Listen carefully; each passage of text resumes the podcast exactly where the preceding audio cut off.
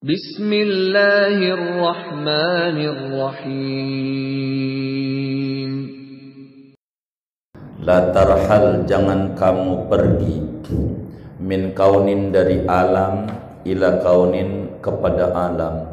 Fatakuna kahimarir roha maka menjadi oleh kamu yaitu seperti keledai penggilingan. Yasiru uh, ia berjalan yang berjalan oleh keledai. Walladzir tahala ilaihi adapun tempat irtahala yang berjalan oleh keledai ilaihi menuju kepada tempat huwallazi irtahala minhu adalah yaitu tempat yang pergi oleh keledai minhu berangkat dari tempat itu. Walakin irhal minal aqwani dal mukawin. Akan tetapi berangkatlah kamu daripada alam kepada Allah yang mencipta alam. Wa anna ila rabbikal muntaha dan sesungguhnya kepada Tuhanmu lah al muntaha yaitu tempat uh, sampai.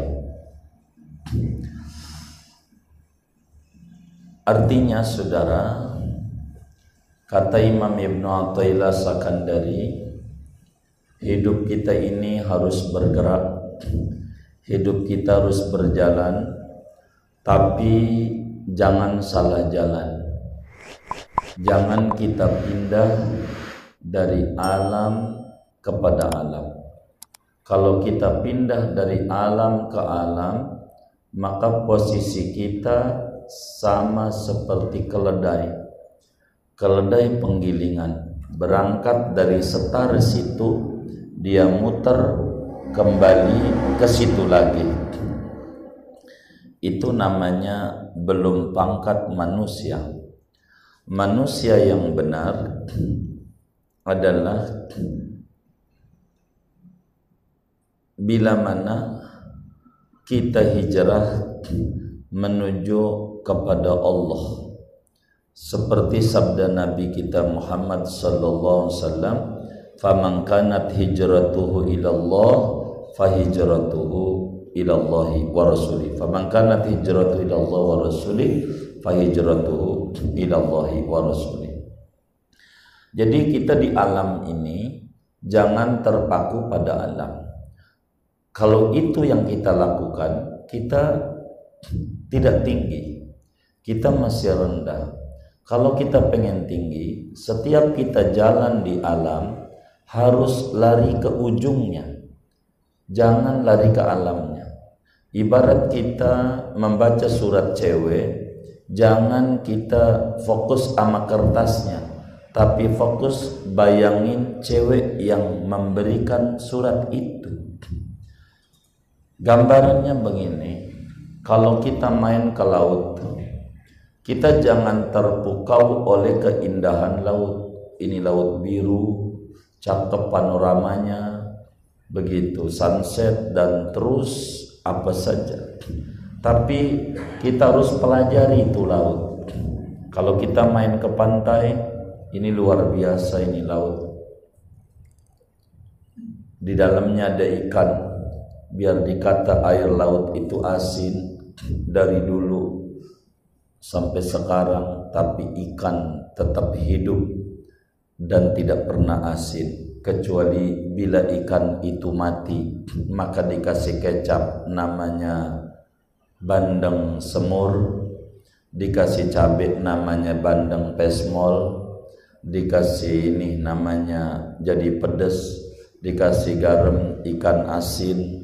Kenapa dia terwarnai? Karena mati maka kalau kita jalan ke laut, kita harus baca tentang laut lari kepada Allah. Jangan fokus sama lautnya sehingga kita tidak bakalan tinggi derajatnya ketika main ke laut hanya fokus pada laut tapi tidak fokus pada pencipta laut. Begitu juga kita main ke gunung. Kita jangan terpukau dengan pohon-pohon yang di gunung tapi harus kita baca ini ada pohon duren ada pohon cabai tanahnya sama airnya sama kenapa cabai pedas dan durian manis? Siapa yang membuat ini? Ini yang harus terus kita bergerak di dalam hidup kita. Kata Imam Ibn Atta'illah la tarhal min kaun ila kaun. Fatakuna kahimarir roha yasiru walladhi irtahala ilaihi huwa alladhi irtahala minhu walakin irhal minal akwan ilal mukawwin jadi kita harus lari kepada Allah.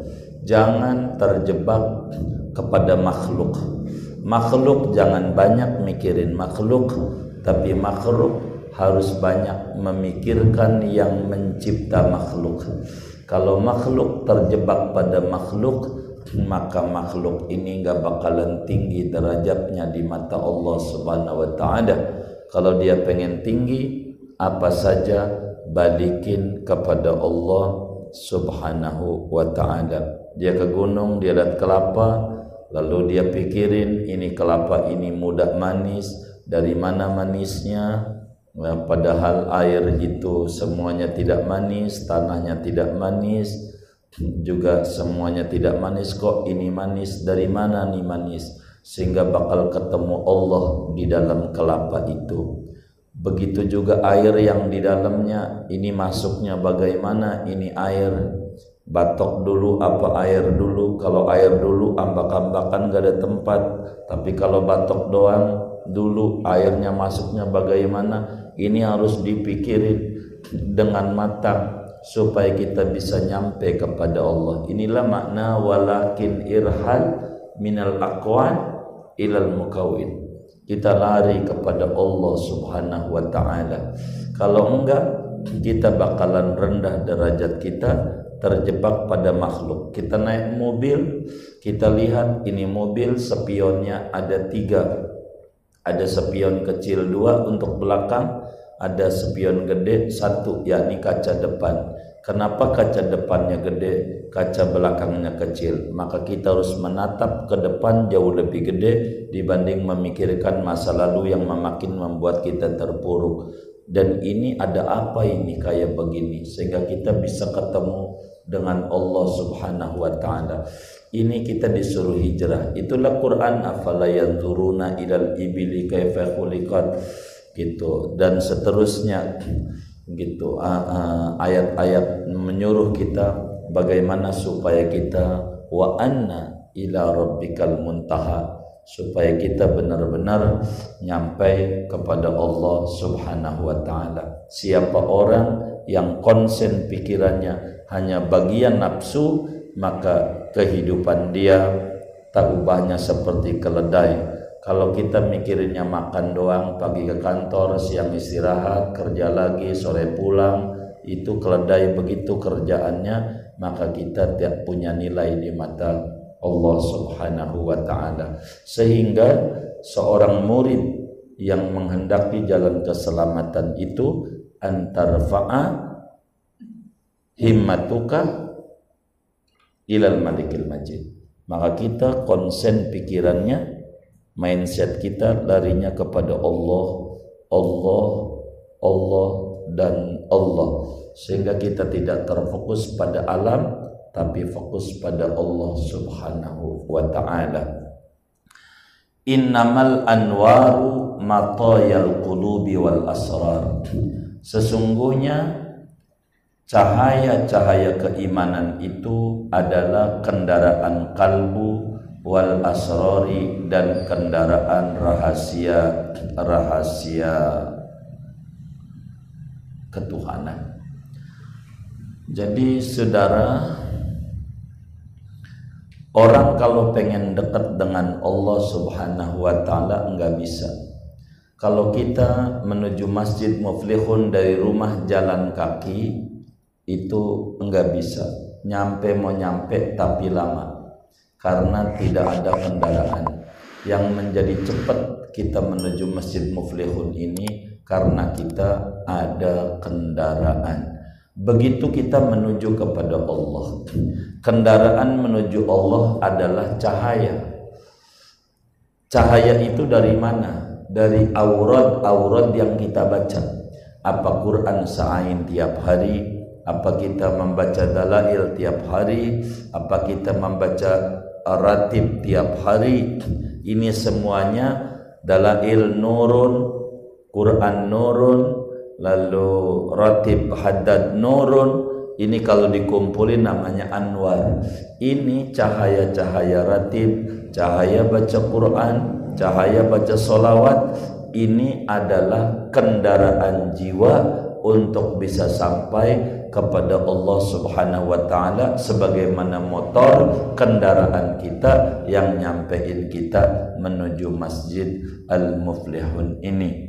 Oleh karena itu Saudara, nur-nur Tuhan itu tidak bakalan masuk di dalam hati seorang hamba tanpa ada riyadhah, tanpa ada wirid yang dia amalkan dengan kontinu.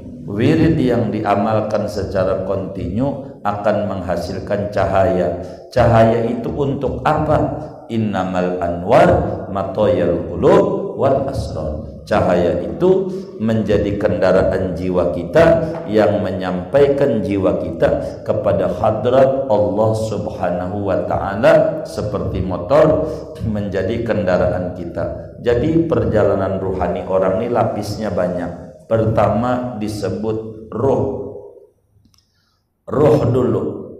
Roh ini saudara berlapis di badan kita nih biar kita tahu nih berlapis halus sehingga kita nggak tahu dengan roh tapi kita sadar bahwa kita hidup tandanya kita hidup itu ada roh nah kalau kita masih bergelimangan dengan maksiat baik maksiat dohir maupun kita maksiat batin maka roh ini disebut masih nafsu saudara masih nafsu nafsu.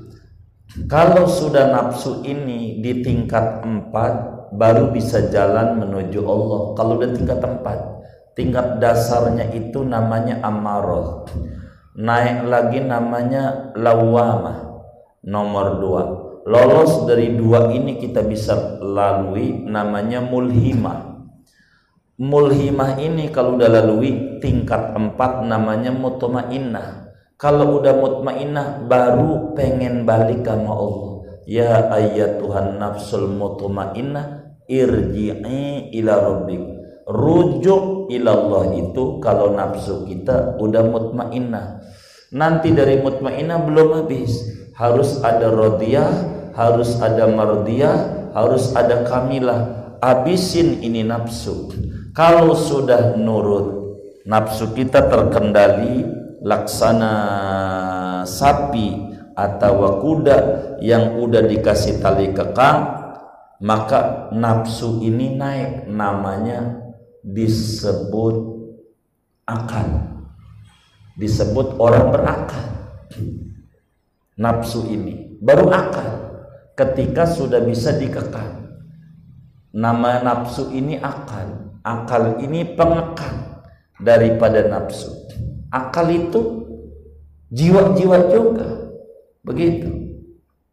Kalau kemudian akal ini terus diasah dengan zikir dari tadinya nafsu walaupun orangnya dia dia juga dari kopral, mayor, letnan, jenderal dia dia juga.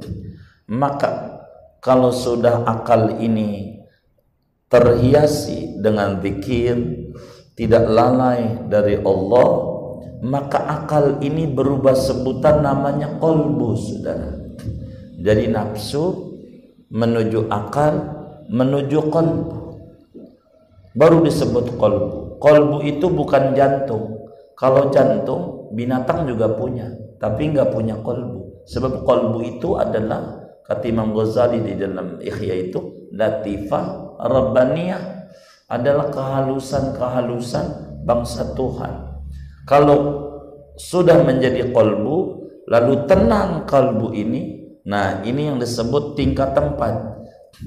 Udah itmi'nan, udah ada ketentraman jiwa, keasikan dekat dengan Tuhan, maka kalbu ini namanya disebut sir. Sirna. lubuk hati yang paling dalam itu sir bila sir ini saudara terus diolah sehingga sampai bisa masuk pada hadrat Allah sir ini maka Allah bakal bantu dengan cahaya-cahaya dari sir ini bakal kita mendapatkan asrar innamal anwar matayal qulub wal asrar. Kalau udah masuk sini tapi kita masih jauh baina sama was sumur. Kalau bumi dekat sumur dalaman jauh banget.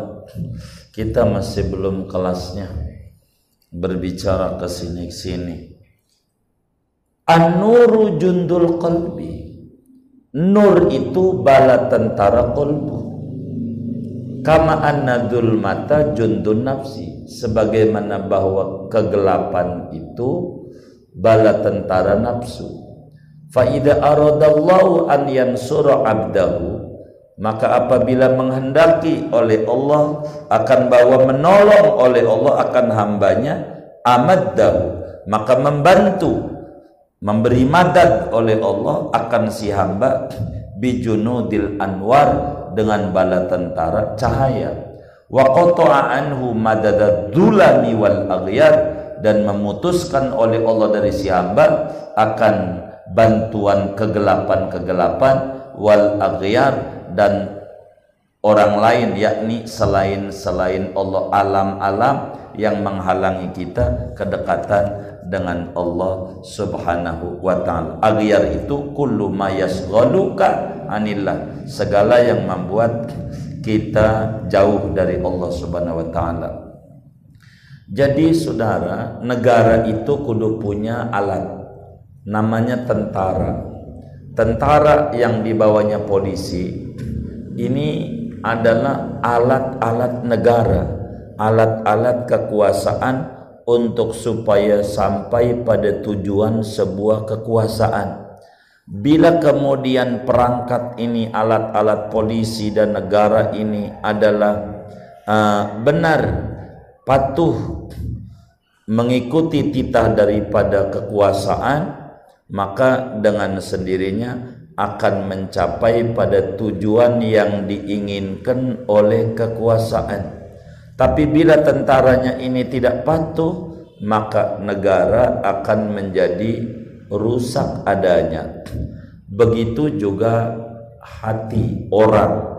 Orang itu kalau pengen selamat harus punya tentara.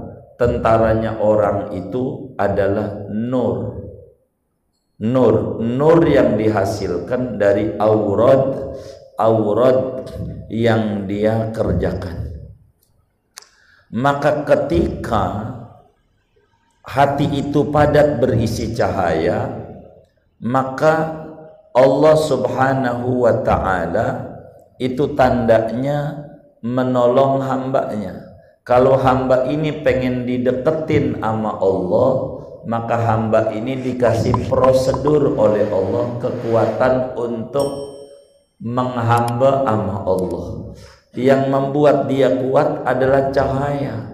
Nah inilah disebut muncul taufik muncul hidayah. Hidayah itu enggak ujuk-ujuk datang.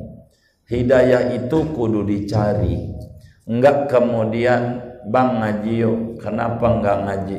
Sorry ntar lu jangan ajak-ajak gua ngaji. Kalau gua dapet hidayah ntar juga gua ngaji tanpa lu suruh. Ini namanya keliru. Orang yang model begini boleh kerja di rumah saya berapa gajinya? 5 juta baik kita kasih 5 juta kemudian kita kurungin di kamar dari pagi sampai sore dia minta makan pak makan. Kita jawab, lu jangan minta makan sama gua. Kalau kata Allah kenyang, lu kenyang walaupun gua nggak kasih makan. Seminggu aja, modal tuh orang, modal. Maka kita begitu, ndak bisa. Kalau pengen dapat hidayah, yuk ngaji. Karena hidayah nggak datang ujuk-ujuk. Hidayah itu hasil berupaya. Nggak bisa. Dari sanalah muncul nur dari hidayah dari sana muncul pengen dekat dengan Allah nur ini macam-macam. An-nuru lahul kasfu. Nur itu baginya membuka. Dengan cahaya ini bisa kita kebuka. Mana baik mana buruk. Enggak cukup dengan dibuka doang. Wal basirah lahal hukmu. Mata batin itu ada baginya memutuskan. Walaupun kita tahu ini barang haram kalau mata batinnya gelap tetap bisa diambil nyolong juga karena basirohnya tidak ada. Fa innaka la ta'mal absar walakin ta'mal lati uh, uh, fil qulub. Uh, gimana itu yang hafal Quran ini siapa? Bukan mata kepala tapi mata batin. Wal qalbu lahul iqbal wal idbar. Sementara kolbu baginya itu kehampiran dan lari dari Allah hati itu bisa pengen dekat sama Allah pengen jauh. Tapi bakal diputusin oleh basiro basiro inilah pada kelas akal tadi. Sesudah nafsu bisa ditundukkan berubah jadi akal berubah jadi kolbu baru roh baru bakal muncul sir. Sir itu di atas roh roh di atas daripada akal akal di atas daripada nafsu ini tingkatan-tingkatan batin perjalanan rohani daripada seorang hamba. Jadi nur itu adalah kaya tentara bagi raja. Maka untuk menyampaikan kepada Allah maka kudu ada dia nur dulu. Tanpa itu sulit orang untuk sampai kepada Allah. Al aqwanu zahiruha ghirra wa batinuha ibra alam itu yaitu adapun lahirianya alam yaitu tipuan. Wa batinuha ibra adapun batinnya alam yaitu pelajaran.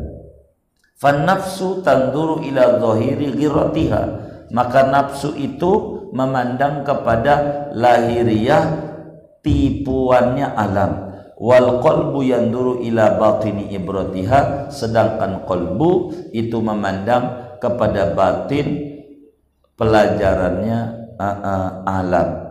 Jadi dunia ini saudara ada dua sudut pandang oleh kita. Kalau kita masih kelasnya di nafsu kita sering memandang kebahagiaan. Kalau kita punya duit banyak itu bahagia kalau kita punya jabatan tinggi bahagia padahal itu tipuan semuanya. Tipuan begitu. Pengen jadi RT aja dikata enak udah jadi RT kagak puyang juga. Benernya aja masih salah tuh jadi RT apalagi salahnya. Tipuan. Tapi di dalamnya kalau dia mau dipelajari ini ada ibroh. Oh begini ya. Hidup sama Allah. Kita bener aja nih sama Allah barangkali sama Allah masih dianggap salah kita karena hati kita belum lurus sama Allah. Kudunya begitu dia. Kudunya hidup maka nafsu kita memandang pada tipuan dunia. Keindahan panorama alam. Ujungnya masa stres juga. Dia jalan-jalan ke Anyar. Pulang dari Anyar naik bis. Baru cerita sama temennya najong doang tuh di Anyar. Bakso mahal masa 50 ribu. Enak juga kagak kata dia. Ada nggak ya kayak begitu begitu. Ditanya sama temannya terus kamu buang? Udah habis di perut? Udah habis semua jangan diomongin. Kau udah habis semua pelajaran dari Allah. Begitu pelajar tapi mahal. Itu juga yang dagang tuh kalau dengar bakal ngomong ini gua dagang buat orang yang ngabisin duit. Lalu dikit jalan-jalan. Lu mau pasar malam aja kelasnya dah. Begitu. Dunia ini tipuan manis kelihatannya dalamnya pahit. Nafsu memandang manis tapi kolbu memandang pahit. Segalanya itu begitu. Begitu. Kelihatannya anugerah tapi ujian. Begitu. Ujian. Ada yang diuji dengan harta ada yang diuji dengan kuasa macam-macam. Maka kita jangan satu memandang itu harus dua. Jangan nafsu doang pandangan mata tapi basor tapi basiroh juga kudu memandang. Kalau basor doang bakal ketipu. Tapi kalau pakai basiroh kita bakal melek jadi enak. Sehingga di dunia ada yang nyela ada yang ini itu semuanya dohir. Kita biasa aja. Sehingga kalau kolbu mandang bakal jadi enak. Bagaimana contohnya? Mata au hasaka min khalqihi fa'lam annahu yuridu an yaftahalaka babal unsibih manakala membuat resah oleh Allah akan kau dari makhluknya maka yakinilah olehmu akan bahwasanya Allah itu menginginkan oleh Allah akan bahwa membuka oleh Allah bagimu akan pintu keintiman bihi dengan Allah Subhanahu wa taala. Kalau kemudian ada orang nyelak kita, ada orang mitnah kita, kita tidak usah terbawa dengan hati yang gusar. Biarkan saja itu. Sebab kayu gaharu nggak bakalan wangi kecuali dengan dibakar. Maka tujuan Tuhan dengan kita didolimi oleh orang biar kita dekat dengan Allah subhanahu wa ta'ala. Kenapa kita harus marah kepada Allah? Dengan diperlihatkan bahwa dia bukan teman baik kita. Maka bahasa gampangnya bolehkah kita membalas dendam kepada orang yang zalim sama kita? Jawabannya dalam dunia tasawuf boleh. Caranya cara kita membalas dendam kepada orang yang jahat kepada kita yaitu dengan cara mengikhlaskannya. Caranya mengikhlaskan bagaimana? Allah unjukin dia bukan teman baik kita. Kalaulah dia teman baik kita enggak bakalan dia jahat sama kita mengapa Allah bukakan perilaku orang lalu kita marah sama Allah ucapkan Alhamdulillah Allah saring kita punya pertemanan yang nggak benar-benar minggir, yang benar bakal mendekat. Ini supaya kita intim dengan Allah Subhanahu wa taala. Maka kata Imam Ibnu illa mata au hasaka min khalqihi fa'lam annahu yuridu an yaftahal an yaftahalaka babal unsibin. Bila kita diganggu oleh orang, dibuat resah oleh orang, itu tandanya Allah menganggap kita tidur maka dicubit kita supaya kita melek pengen dekat dengan Allah subhanahu wa ta'ala. Gara-gara diganggu orang maka kemudian kita baca Quran malam maka malam tahajud. Kenapa kita harus marah? Bisa tahajud gara-gara dibenci dia. Mengapa kita harus marah? Kita bisa baca Quran gara-gara dibenci dia. Mengapa kita harus marah? Gara-gara itu kita demen ke kiai demen ziarah demen ini. Kita harus girang dengan Allah punya cara. Maka jangan memandang dengan nafsu tapi memandang dengan kolbu sebab nafsu bakal memandang keliru tapi kolbu isinya pelajaran besar dari Allah subhanahu wa ta'ala. Maka kalau ada orang yang zalim kepada kita biarkan itu. Sebab itu cara Allah supaya kita mau akrab dengan Allah. Cara Allah supaya kita intim dengan Allah. Cara Allah supaya kita dekat dengan Allah Subhanahu wa taala. Kita fokus Tuhan saja. Kalau ibarat naik motor jangan mikirin motor-motor yang lain. Kita fokus motor kita biar sampai ke tujuan dan jangan nyebur ke dalam jurang tapi kita bisa sampai kepada Allah Subhanahu wa taala. Ini adalah sunnatullah. Jangankan kita nabi juga sama. Ada nabi itu akhlaknya baik, enggak ada buruknya barang dikit pun. Nabi ada yang menfitnah. Siapa yang menfitnah? Teman sendiri. Gitu. Itu nabi begitu. Apalagi lah kita yang bukan nabi, yang banyak salahnya, biasa. Begitu. Nabi Musa diganggu oleh Firaun, itu biasa. Nabi Ibrahim diganggu oleh Namrud, Nabi Muhammad diganggu oleh Abu Jahal dan seterusnya. Dan itu sudah menjadi sunnatullah pada para kekasih-kekasihnya daripada Rasul, daripada Nabi, daripada Wali. Bila Allah menghendaki baik, maka banyaklah lisan-lisan buruk yang bakal mencela karena yang namanya emas enggak bisa diuji kecuali caranya dibakar. Dengan dibakar itu bakal kelihatan ini adalah emas tapi bila melempem meleleh maka namanya tembaga karena itu kata Imam Jalaluddin As-Suyuti di ujung kitab Al-Itqan fi Ulumil Quran idza aradallahu nasra fadilatin tuyat atahalaha lisana hasudi laula isti'alun nari fi ma jawarat lam ya'rifin nasu bainal udi wal hatabi bila Allah pengen mengangkat derajat orang maka dimunculkan lidah-lidah tukang fitnah begini begitu begini begitu sebab akan dibuktikan apakah kita itu kayu gaharu ataukah kita kayu bakar biasa. Kalau kayu gaharu dibakarnya wangi tambah bagus tambah mulia tambah bagus. Tapi kalau tambah wangi kalau kayu bakar biasa akan keluar bau busuk. Maka jangan marah ketika Allah membuat benci makhluknya itu tandanya Allah pengen kita intim dengan Allah Allah pengen kita akrab dengan Allah Allah pengen kita dekat dengan Allah Allah pengen kita mesra dengan Allah subhanahu wa ta'ala. Biar kita dekat sama Allah. As-salatu mahallul munajat. Adapun solat yaitu tempatnya beraudiensi dengan Allah. Wa ma'dinul musafat. Dan tempatnya kebeningan pikiran.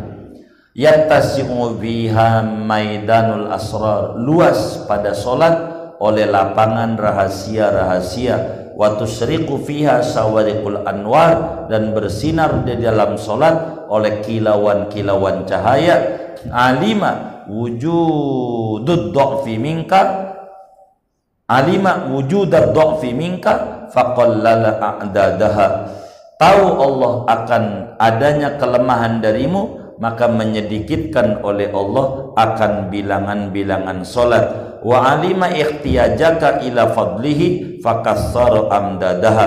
Dan tahu Allah akan butuhmu kepada kurnia Allah maka membanyakan oleh Allah akan madad-madadnya solat bagaimana cara kita pengen dekat dengan Allah? Bila diganggu sama orang maka kita harus banyakin solat sama Allah. Di solat itulah kita tempat munajat kepada Allah. Munajat itu adalah bagaimana kita beraudiensi bercakap-cakap dengan kekasih kita.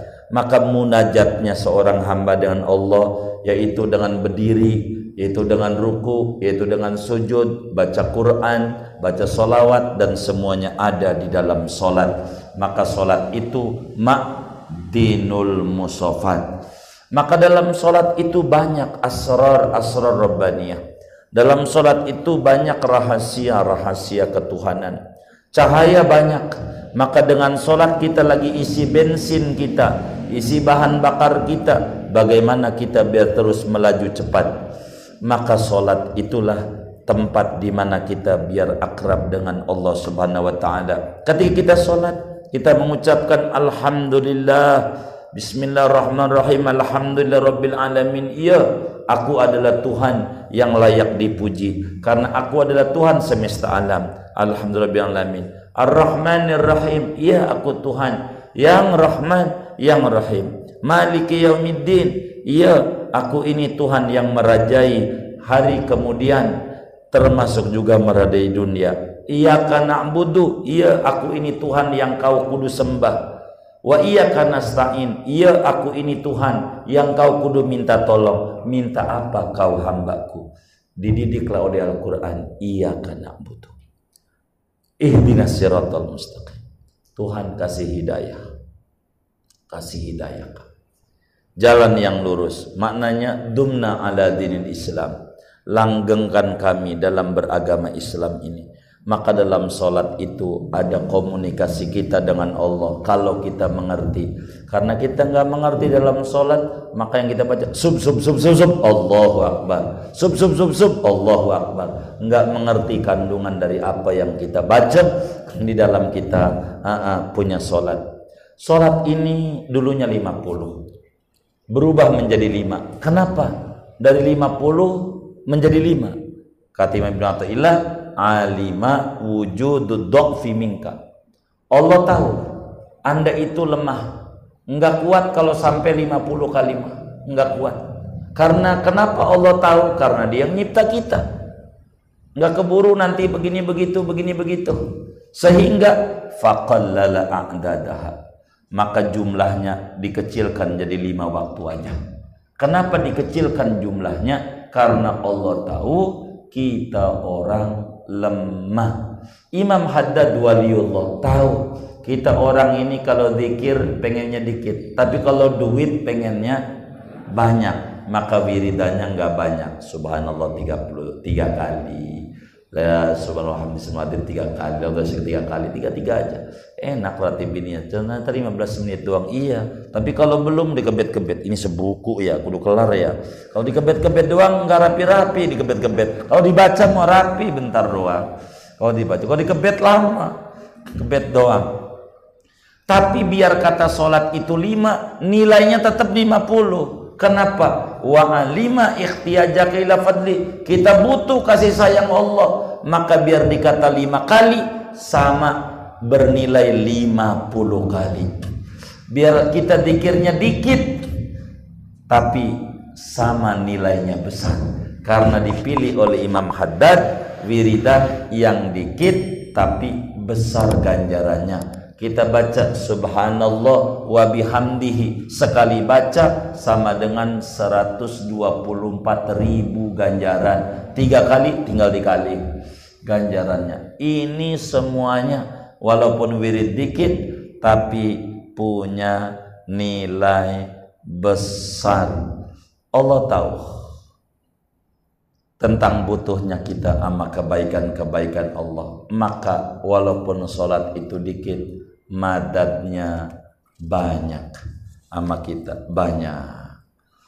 Lalu hubungan kita dengan sesama manusia bagaimana bagaimana ketika orang muji kita? Apa yang harus kita ambil dalam hidup ini? Ada orang mengelulukan kita. Apa kita kudu GR atau bagaimana? Kayaknya jangan malam ini dah.